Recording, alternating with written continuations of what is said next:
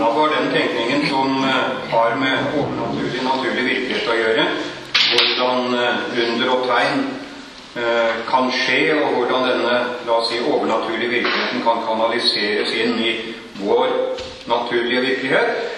Nå skal vi se litt hvordan man har utviklet teorier fra 2010 og fremover i dialog med kvantefysikk. Og nå må jeg jo bare si det, jeg er ingen ekspert på kvantefysikk eh, og sånne ting. Eh, litt grann har jeg lest om det, men eh, du Magne vet mer om det enn meg, f.eks. Og, og jeg husker jeg snakket med Jon Kvalbein, som jo er, har hovedfag i, i astrofysikk, er det vel? Og veldig veldig oppgående sånn. Han sa det til meg ja, kvantefysikk er veldig vanskelig sånn. Og det, det tror jeg vi kan regne med. Det er sikkert kanskje noen i salen som, som har kjennskap til det, selvfølgelig.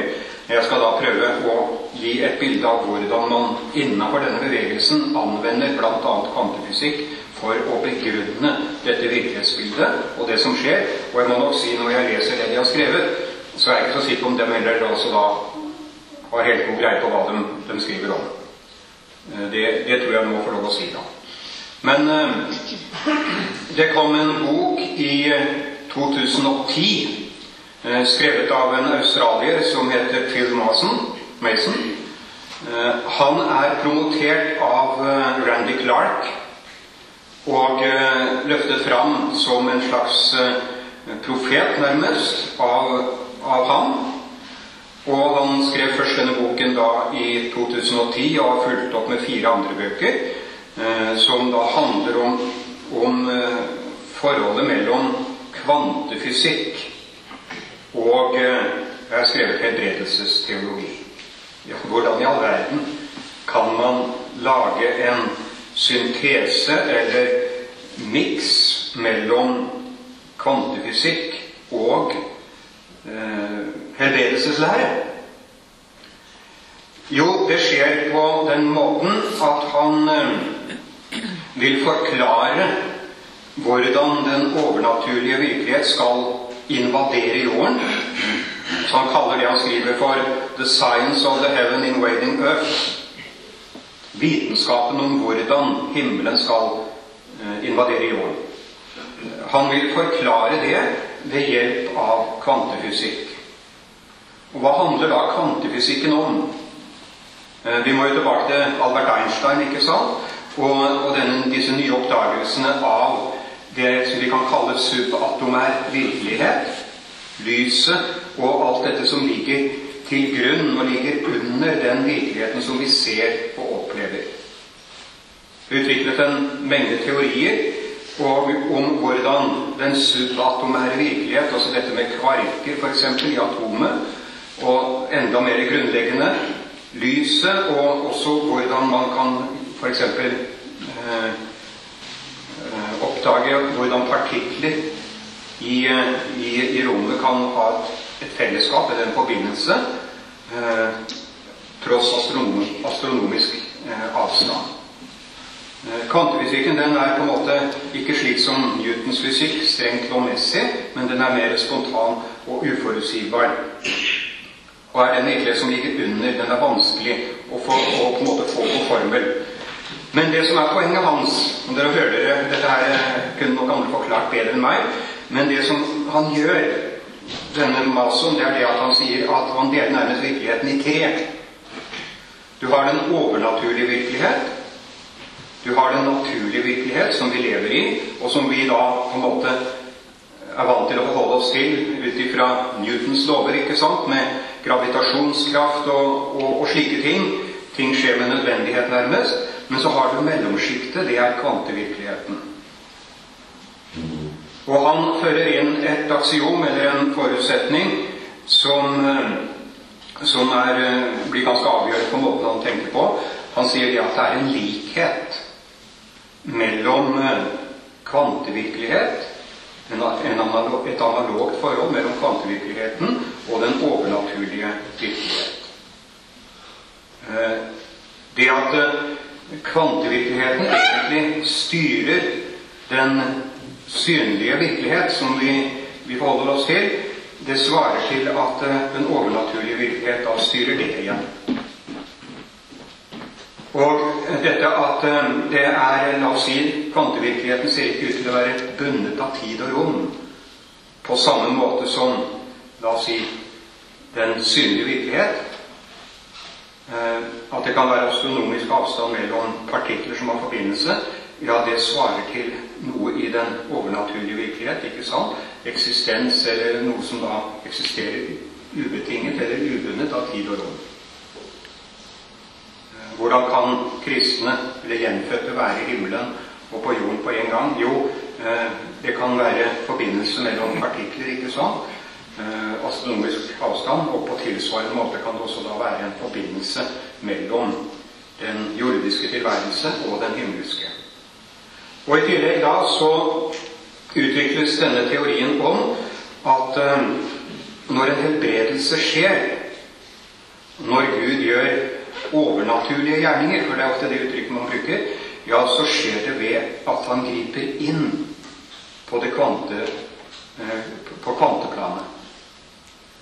Og så liksom det skjer en forandring i DNA-et, ifølge eh, Randy Clark ved en forbønn, ja, så skjer det på tilsvarende måte endringer i kvante, på kvantenivå, som igjen da forplanter seg på det, i det naturlige virkelighet. Det er et fiffig system å tenke ut ifra. Man skriver da også til nå hele fem bøker om dette her. Og Det er liksom av og til jeg må pusse brillene når jeg leser noe av det, denne litteraturen. Og han definerer da miraklet eh, innafor denne rammen. Miraklet er også da at, eh, at Gud handler, påvirker den subatomære virkelighet, altså den virkeligheten som ligger under atomene. Som er, ligger liksom helt til grunn for den synlige virkelighet. Og det anvender han da på å forstå Jesu undergjerninger. Eh, hver gang Jesus helbredet syke, skriver han, så ble da kvanteområdet, eller kvantevirkeligheten, enten totalt skapt på nytt eller restrukturert, slik at det kom i, si, i den orden som Gud ville skulle være. Når Gud f.eks. da helbreder en kreft, så blir også en million eller billioner av subatomiske partikler som da forårsaker denne sykdommen, de blir dematerialisert, skriver han, og oppløst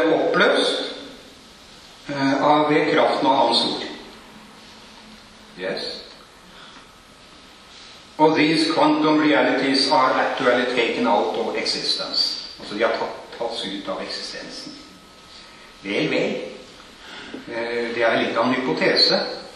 Jeg underviser jevnlig om Carl Raymond Popper og hans vitenskapsteori. Altså hvordan kan dette verifiseres overhodet? Det er spekulasjon med, la oss si, en slags vitenskapelig ferniss. Og ut ifra denne teorien om forbindelse mellom artikler i rommet, så utvikla Det er en teori han bruker ganske mye. Eh, der skriver han at, at Det nye testamentet bekrefter en åndelig tilsvarende entanglement, altså forbindelse, mellom Kristus og hans brud. Her forklarer han hvordan det kan være en forbindelse mellom Kristus, som er i den overnaturlige virkelighet etter sin oppstandelse, og vi som er på jorden. Hvordan kan vi ha forbindelse med Kristus, og hvordan kan vi da på en måte komme i posisjon, slik at vi kan bruke disse overnaturlige kreftene? Jo, han, det, det, er en, noe som svarer til akkurat dette med, med forbindelse mellom partikler i rommet. Eh, det er en tilsvarende forbindelse mellom Kristus og hans brud. Og det er også en tilsvarende forbindelse mellom brødre og søstre i Kristus. Slik at man snakker om at det opprettes forbindelser mellom kristne som da rett og slett går utover tid og rom. I hvert fall rommet. Det ligner jo nesten en form for telepati. At man da kan se hva andre tenker. Man kan på en måte uh, lese andre menneskers bevissthet. Det er det som ligger under. Det er ikke noe ukjent en, måte å tenke på heller, dette med at en, en skal kunne se nærmest med et røntgenblikk inn i andre menneskers bevissthet. Uh, det bruker han da, begrunner han på denne måten. Uh, den overnaturlige, fornyede menneskelige ånd, skriver han videre, har evne til å, å krysse eh, tid og rom. Og på en mystisk måte bli forbundet med Gud og med hverandre i Kristus i himmelens sfære eller virkelighet. Det dette her er altså da, som dere skjønner, en, et, et forsøk på å gi en vitenskapelig forklaring på, på det virkelighetsbildet som vi prøvde å skissere i forrige time. Han bruker da bibelord for å begrunne dette her. De som er i Kristus, de har gitt, fått et mandat, sier han, til å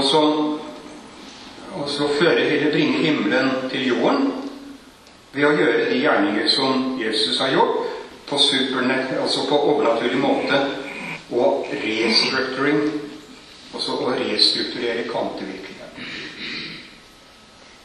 Så her er det også hvordan skal verden, eller tilværelsen, jorden, den, den verden vi lever i, endres slik at sykdom forsvinner, slik at vi kan komme inn i en tilværelse der vi ikke lenger er bundet av tid og rom, for det skriver de faktisk.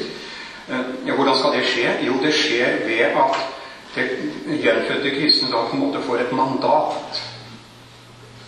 Og det er dette mandatet som det er viktig å være klar over. Eh, vi kan jo, Det er jo mange, mange som, av disse virkelig dyktige fysikerne som, som nærmer seg religionen. Eh, en som heter Titler, blant annet, som en av de store tyske teologene støtter seg på, og som utvikler teorier om, med, med utgangspunkt i, i eh, i kvantefysikk. Om hvordan du å si, dette med, med, med utvidelse av universet osv. Hvordan det vil gå. Til slutt så ender det hele i et, et stort sånn eh, altså et stort hull. Altså at tid og rom oppløses en gang i fremtiden. Det, det er en av teoriene til en som heter eh, Frank, eh, Frank Tipler. Han er veldig anerkjent tenker. Eh, Wolfgang Pannenberg kjøpte det. Han er en av de mest leste teologer eh, i vår tid. Men her har du, da tenker man under den forutsetning at mennesket faktisk er Vi er ikke herre over kosmos. Eh, jeg følger ikke de teoriene heller. Det, de, det er veldig vanskelig, syns jeg. Men, men forutsetningen er hele tiden altså Tross alt så lever vi i sånn små mennesker i denne verden.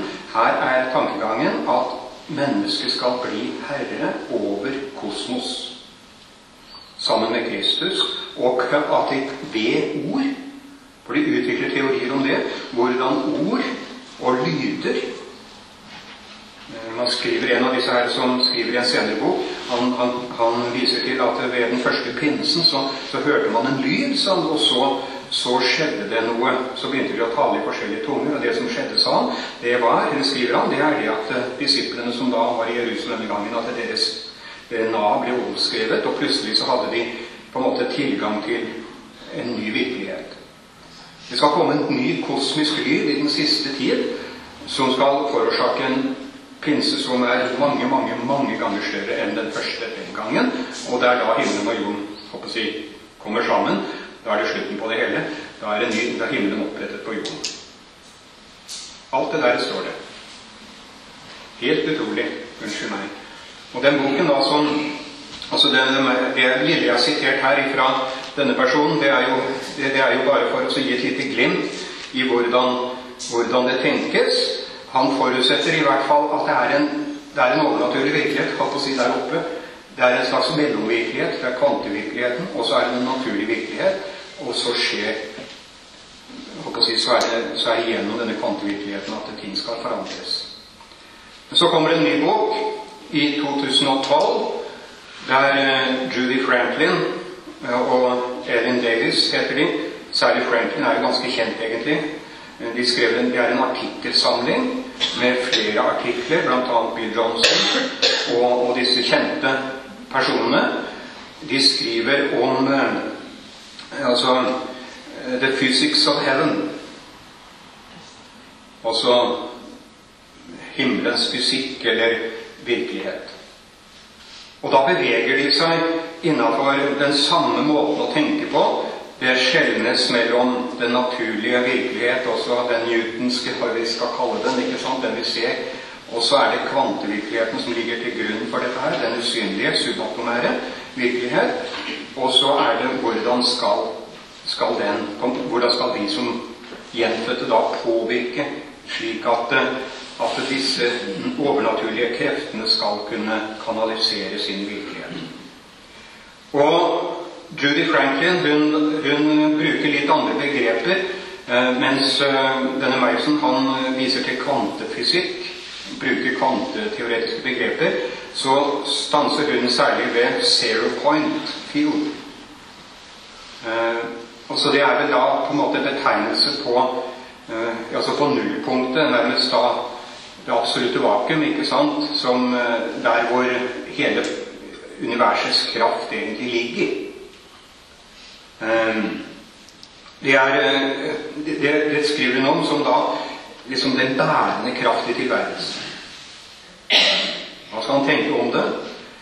Det hun sier, det er det at eh, hun uttrykker, utvikler en nye teorier om skapelsen, blant annet og sier at Gud skapte eller talte the zero point og kraften ut av seg selv. Det er det som er logos, også det er det som er ordet. Vi er vant til det i vår teologi å tale viser til Johannes kapittel 1. ikke sant? I begynnelsen av ordet, ordet var Gud, ordet var Gud. Og så videre. Ordet tok ble kjød og tok bolig blant oss. Hva er ordet?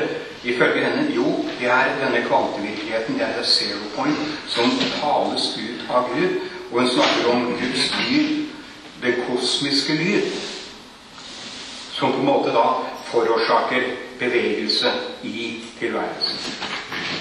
Eh, og så sier hun vi har alle zeropunktet i oss.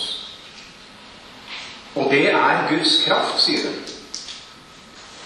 Eh, det er en energi. Og eh, Bibelen sier da at hva to eller tre er enige om å be om, det skal de få. For da, ved sine tanker, så aktiverer de da zeropoint, eller denne grunnenergien i tilværelsen. Dette ligner jo veldig på scientologi, egentlig. Det ligner også dette med at man, man ved å styre Man kan styre virkeligheten med tankene. Mason tar et oppgjør med Eller han tar med seg noe fra New Age-bevegelsen, men tar likevel et distanserer seg fra den på enkelte punkter. Og blir en sånn mellomposisjon her i denne boken, så er det i nærheten av en ren omfavnelse, rett og slett, av, av den type New Age som sto i Eller som da ga seg uttrykk i som det var fysikere, Fridtjof Capra f.eks., som, som utviklet spesielle teorier ut ifra teori om subatomær virkelighet. De Kjøpen av det samme. Men til forskjell fra den personen vi var innom sist, også Mason, så, så er det ikke her snakk om tre virkelighetslag. Eh, her gjøres den subatomære virkelighet, ser du på en film, identisk med den overnaturlige, guddommelige virkelighet. Og dermed så ender du egentlig opp Ligger deg veldig nær panteisme. Gud er, er en kraft. Og så En separerer nærmest Gud og Jesus, ikke sånn? Og disse guddommelige, eller disse kreftene som gjør seg gjeldende i tilværelsen.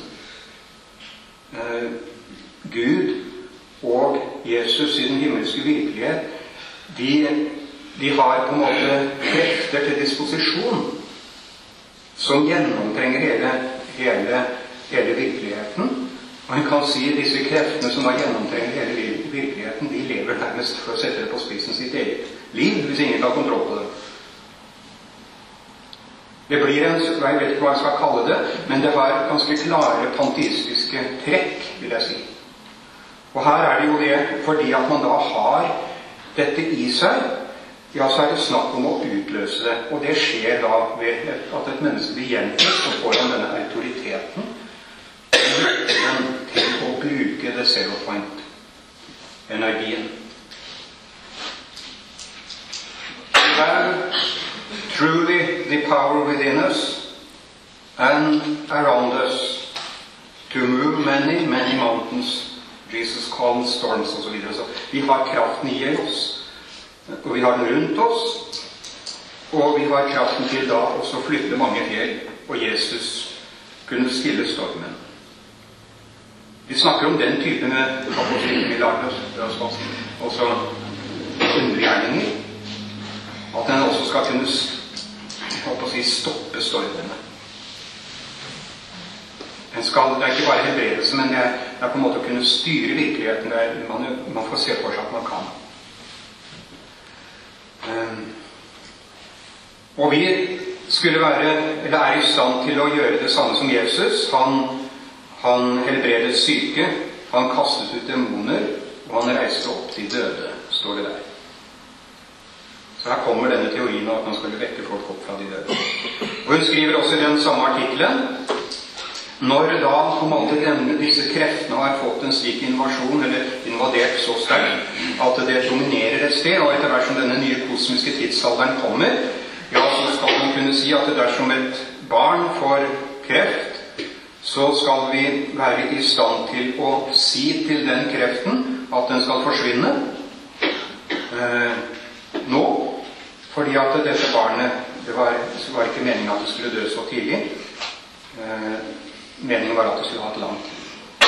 Så man skal kunne befale, og ved ordet så på en måte skaper man vibrasjoner i, i denne subatomære virkeligheten. Ja, så skal det da angivelig skje. Eh, nå gir jeg bare noe glimt inn i denne tenkningen. Eh, det er Jeg har skrevet flere bøker om det allerede. Det, holdt på å si, disse formidler særlig gjennom Bethel Church. Og, eh, og eh, for anerkjennelse innenfor dette miljøet. Det her vil jeg tro er ikke så kjent i Norge.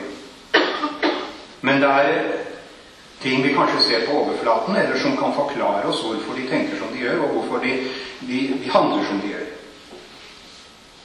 Og jeg mener jo det selv at det er fryktelig viktig i vår tid å få litt innsikt i hvordan eller hva slags tenkning er det som ligger under denne virksomheten. Um, yngre mennesker kjenner mer til det enn eldre. Og jeg har jo sett det som et stort problem, egentlig, at kanskje særlig eldre folk Det er jo dem sjøl. Vi kjenner karismatikken siden den kom i sin nærmest veldig moderate form i forhold til det som nå er. Og man lever liksom i det paradigmet. Det er det det handler om. ikke sant? Åndsdåp og sånne ting. Winder avviser åndsdåpen. Disse her avviser åndsdåpen. Vi snakker om gjentatte salvelser, at Gud på en måte utløser krefter osv. Det har gått lang tid siden den gangen du hadde den la oss si 70-tallskarismatikken som jeg møtte på leirer som tenåring, og det som nå serveres. Og det er viktig at man skjønner at det har skjedd Det er veldig veldig mye nytt. Det er veldig mye annet, det er helt annerledes de unge mennesker står overfor. Og, eh, og på en måte føres inn i. Og Derfor som sagt, syns jeg det er så fryktelig viktig å informere om det. En kan ikke bare stikke hodet ned i sanden og late som dette bare er noe som eksisterer ute i denne verden, og tenke ja, vi befinner oss nå i Norge. Nå skal man kunne bare sette en nisselue på de som kommer utenfra, og så er de plutselig nordmenn. Og så De bringer med seg det som på en måte ligger til grunn for den måten de tenker på, eller og de praktiserer på. Man kjenner teologien. Jeg har en til som jeg også tar med i denne sammenhengen. Nå blir ikke dette, denne timen så lang som de andre. Det kan kanskje være en fordel, det òg. Men Men eh, vi skal se litt på det. Eh, Chris Wallaton eh, Vet ikke hvor kjent han er, eh, men har man vært i Bethel Church, så vet man jo at det er han som er eh, å si, Bill Johnsons nærmeste medarbeider. Co-pastor. Eh, han, I en av de bøkene han har skrevet, så sier han at Bill Johnson er apostelen, skriver han som da har fått apostelautoriteten fra Gud, og som mottar budskapet på, i den forstand eh, jeg er profet. Og Han ble jo kjent for et års tid siden, ja, i slutten av 2019, første gang var vel han gikk ut med en profeti om at Gud vil at Donald Trump skal gjenvelges som president. Så vet vi åssen det gikk. Eh, Chris Wallaton var en av de som da dementerte sin profeti, faktisk. Det var flere av dem som gjorde det, men ikke alle. Og eh, det var litt frem og tilbake når han hørte det at de ville prøve å aktivere for å få reversert valget. Så trakk han tilbake i første omgang sin beklagelse. Så gikk det jo ikke allikevel, og så kom han med den igjen. Det var omtrent for da snart et år siden. Ja, det kan lese om det på nettet. Det, gjorde han. Men i 2020, da altså Han leder jo denne, denne, denne undervisningssenteret i Betelskjøl som mange norske eh, ungdommer har reist til. Eh, School of Supernatural um, Ministry. Ja. Stemmer. Hvor mye man får med seg av dette, her, det vet jeg ikke, men jeg har kikket på de bøkene han bruker i den forbindelsen. Og eh, det er jo tusenvis som har gått der hvert år. Veldig stort nedslagsfelt. Han skrev da en bok i 2020 der hvor også han prøver å dra veksler på naturvitenskap for å begrunne sin tenkning. Den boken heter da 'Spiritual Intelligence'. Åndelig intelligens. Eh, han skjelner mellom tre typer intelligens. Eh, to av dem har vi sikkert hørt om. IQ og EQ. Sånn sosial intelligens og sånn smartness-intelligens, ikke sant? Eh, men han sier da i tillegg til det så finnes det også en åndelig, en guddommelig intelligens.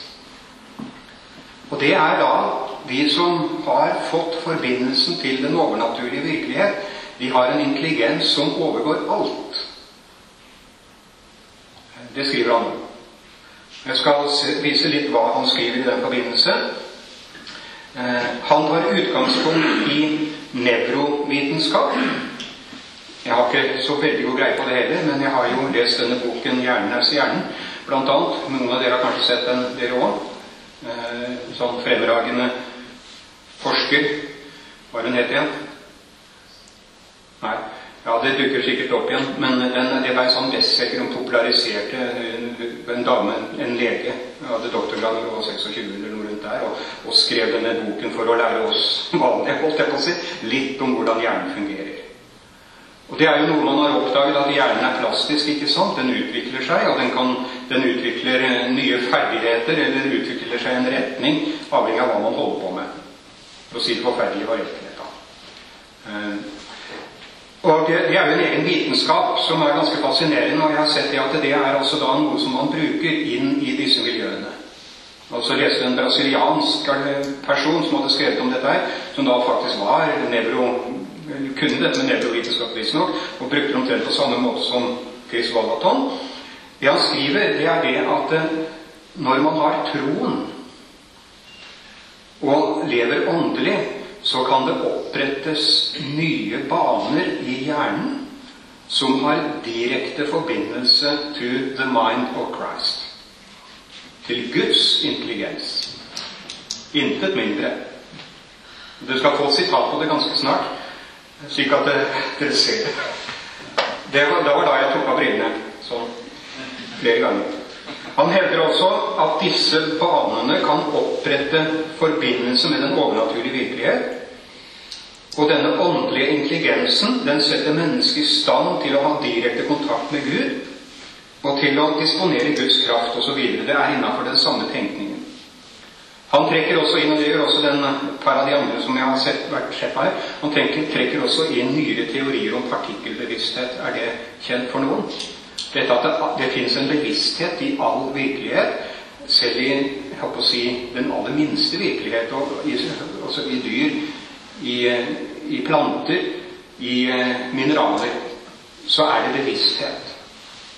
Men bevisstheten er gradert, ikke sant? Mennesket har den høyeste, eller noe av det høyeste. Og, og, så tenker han da også at denne bevisstheten, den binder tilværelsen sammen. Og ved å få denne spiritual intelligence, så får man på en måte en bevissthetskontakt. Kontakt inn i et nettverk som på en måte griper inn i hele tilværelsen. Da er vi veldig nær et panteistisk innslag i hans tenkning. Hvordan påvirker jeg? Jo, det skjer gjennom bevissthet, gjennom troen, gjennom hva jeg tenker. Og eh, han snakker helt klart og åpent om at eh, det oppnås en kollektiv bevissthet. Også en enhetlig bevissthet i kosmos, der hvor Kristus er på en måte sentrum, og alle da kristne eller gjenfødte mennesker som befinner seg i den overnaturlige virkelighet, de har en bevissthetskontakt og en bevissthetsenhet og Det er klart at når man har det, så opphører jo all uenighet, fordi at man da nesten bare kan tenke seg frem til, til den samme tanke. Eh, han er jo den første som har tenkt i de baner, selvfølgelig. Det her er noe du finner i en god del med flere retninger som eh, ja, ligger ganske fjernt i kristendommen, det vil jeg påstå. Eh, I denne boken så skriver han også om karmas lov. Eh, det er en av disse lover som gjøres gjeldende i den overnaturlige virkelighet. Hinduismen har stjålet den fra kristendommen, sier han. Det at du, det at du gir tiende eller gir penger, det vil føre til at du får mye igjen. Det sier han, det er karmas lov. Det er en absolutt nødvendig lov. Den har vi hørt før, vil jeg tro. Dette med at plant inn, eller så inn, ikke sant? Og så skal du få, få det mangfoldet igjen, liksom. Og det er vel mange som har gitt mer enn det de burde, ut på grunn av en sånn tankegang. Eh, vi skal se litt på hvordan han skriver. Når han skal forklare oss enkle mennesker hvordan man får forbindelse med den overnaturlige, guddommelige virkelighet og Guds bevissthet, så skriver han at den eh, mobiltelefon, en smartphone, eh, den kan, eh, kan knyttes til Internett, ikke sant? Og da får den tilgang på en kunnskap som er mye større enn det som rommes inni denne telefonen. Det er forholdsvis grei skurring. Den har the billion of times more information than could ever be stored on a smartphone. ikke sant? Ja vel, på samme måte når vi knytter an til Den hellige ånd, så får vi da tilgang til Jesu mind, altså hans tanke eller sinn.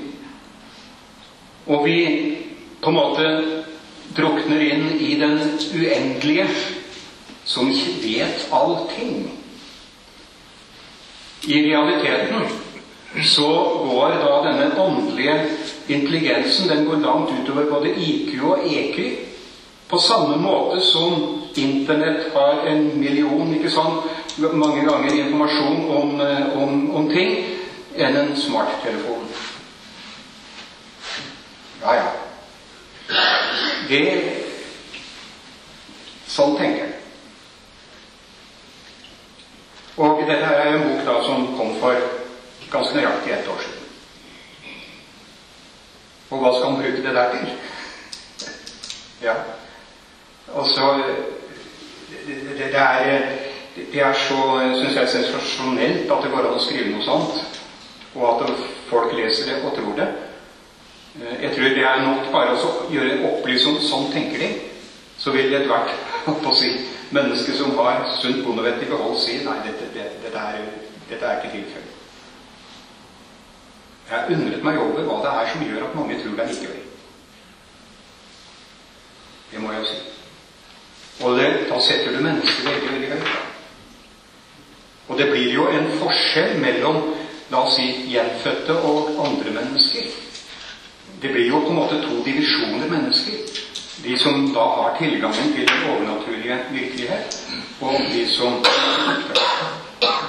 Og hva med de som da lever i denne overnaturlige virkelighet og er formidlere av himmelens krefter inn i jorden?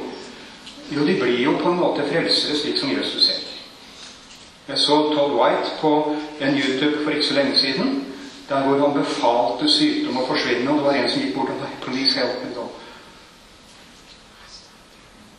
Talte til ham nærmest som han skulle være Jesus selv. Jeg syns det var helt uhyggelig. Det som ligger i dette, denne tenkningen, i tillegg til det jeg har nevnt nå, det er bare en ting jeg har vært inne på så, så vidt, det er at man ser for seg Dette her føres inn i en sånn endetidstenkning. Eh, det skal eh, Mot slutten av tiden så skal det reises opp en hel hær av unge mennesker som da på en måte skal gjennomføre det som vi nå har skrevet om, eller sagt noe om. De kalles for Elias-generasjonen, eller Joel's Army. De kom med, på slutten av 40-tallet første gang med, med, med Latter Rain Movement, som kanskje noen har hørt om. Eh, de knytter helt an til den, noen av disse. Det skal reises opp en hær av unge mennesker som skal gå ut på gater og steder og gjøre under og tegn. Og det skal bli noen enorme vekkelser som skal komme og gå over hele verden. Disse profetiene om det kom første gang på slutten av 90-tallet. Eh, og de ble på en måte aktivert fra 2000-tallet og fremover. Og det er skrevet flere bøker om det Alaya Revolution og Elias-generasjonen, som da skal på en måte være formidlere av dette. Det er klart at disse bitene, disse puslespillene, de passer også, De spriker nok litt, men det er en ganske enhetlig tenkning. Og tenkningen den går ut på det at det skal bare komme den ene vekkelsen etter den det skal bli større og større. Og til slutt, ifølge det vi har vært inne på nå, så skal også den nye pinsen, den avsluttende kosmiske pinse, komme. Der hvor håper jeg, himmelen skal på en måte overta hele, hele virkeligheten. Og da snakker de om New Age. Ifølge gammel New Age-teori, som jeg satte meg ganske godt inn i på 90-tallet Da kom jeg hjem fra Peru første gang. Så, jo, så, så skal jo historien utvikle seg. Hele kosmos skal bevege seg fra eh, fiskens stjernebilde og inn i vannmannens stjernebilde. Da skal det skje en kosmisk endring. Det var tiden det var det som var budskapet i den gamle New Age. Skulle, de visste ikke omtrent når, denne, når det skulle gå inn i vannmannens stjernebilde. Men eh, de regna med at det skulle skje mellom 2000 og 2010 en gang. Vi har jo ikke merket så mye til det. Men noen av dere husker kanskje en, en slager som gikk. Den kommer på Hair-festivalen i, i London en gang i tiden. The Age of Aquarius. Er det noen som hørte det? Ja. Bare hør etter. Og, eh, og, og det, det, var egentlig en foreløper til disse tingene. The Age of Aquarius, også vannmannens tidsalder, det svarer til å si, det de her forventer som en ny tidsalder, nærmest der hvor himmelen opprettes på jorden. Og de har noen reservasjoner mot Njørsbevegelsen. Samtidig så kjøper de akkurat det. der. Det eh, kunne vært sagt en del om hva Bibelen lærer om helbredelse og slike ting. Eh, kanskje jeg skal begrense meg til, til et par bibelord, bare for å minne om det helt til slutt. Jakobs brev. Der står det i, vers, i kapittel 5 Der står det om at vi skal få lov å be for syke. Og eh, samtidig må vi få lov til å si at dette med helbredelse, det må vi legge i Guds hender. Vi har ikke i den situasjonen tilgang på overnaturlige krefter som vi kan på en måte kanalisere inn i den syke. Men Jesus er den vi skal få lov å henvende oss til, og så skal vi få tro at eh, det som han vil, det, det kan skje. Men det er, noen, det er ikke noen Vi vet ikke om det skjer eller ikke. Det står fra vers 13 Lider noen blant dere ondt, la han be. Er noen glad til sinns, la ham lovsynge. Er noen blant dere syk, la ham kalle til seg menighetens eldste, og de skal be for ham og salve ham med olje i Herrens navn. Og troens bønn skal hjelpe den syke, og Herren skal reise ham opp. Og har han gjort synder, skal han få dem tilgitt. Her står det for det første at den som er syk, skal få lov til å kalle noen til seg, slik at de kan be for vedkommende hjemme, eller på et sted hvor det ikke er så mye publisitet. Det skal ikke skje på scenen. Foran alle menneskers øyne må jo være en stor belastning for et sykt menneske å stå frem for kanskje tusen mennesker. Det skal få skje i det stille. Og så står det at troens bønn skal hjelpe den syke. Og Herren skal reise ham opp. Jeg husker en som en lærer jeg hadde en gang, som var blitt bedt for. Han ble blind. Så blei han bedt for. Så blei han frisk, sa han. Så blei jeg blind igjen, sa han. Noen år senere. Jeg blei bedt for en gang til. Da reiste Gud meg opp. Men han helbredet ikke. Han ga meg kraft til å Og det er og trøst. Og det jeg trengte. Den mannen het Øyvind Andersen. Eh, jeg hadde ham som lærer det siste året han underviste på fjellet. Og så sier han det altså En ting som alltid formidles, og som kan plage et menneske i hvilken som helst situasjon det befinner seg i, det er dette med synden. Det den gis det fullkommen tilgivelse for. Og så er det jo selveste apostelen Paulus som skriver i 2. Korinterbrev kapittel 12 om at han har en torn i kjødet. Vi får ikke vite hva det er, men det er tydeligvis noe som var tungt for ham. Og det står at han ba Gud tre ganger om at den ble tatt bort fra ham. Men Gud tok det ikke bort og begrunnet det med at min kraft fullendes i skrøpelighet. Og det, det forholdt Paulus seg til. Han holdt på å si la saken i Guds hender. Så står, kan vi også fortelle om de som har blitt helbredet. Det er ikke så ofte det skjer, tror jeg, men det kan skje.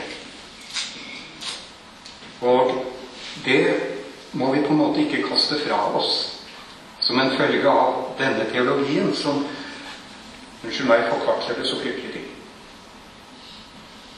Kjære Jesus Kristus, jeg takker deg for at du har gitt oss et ord til veiledning, trøst og hjelp. Hjelp oss i vår tid, Herre Jesus, til å nå frem med det. Hjelp oss slik at vi får møte deg, og at vi får den innsikt vi trenger, og det vi trenger til å vurdere mye av det vi står opp for i vår tid. Amen.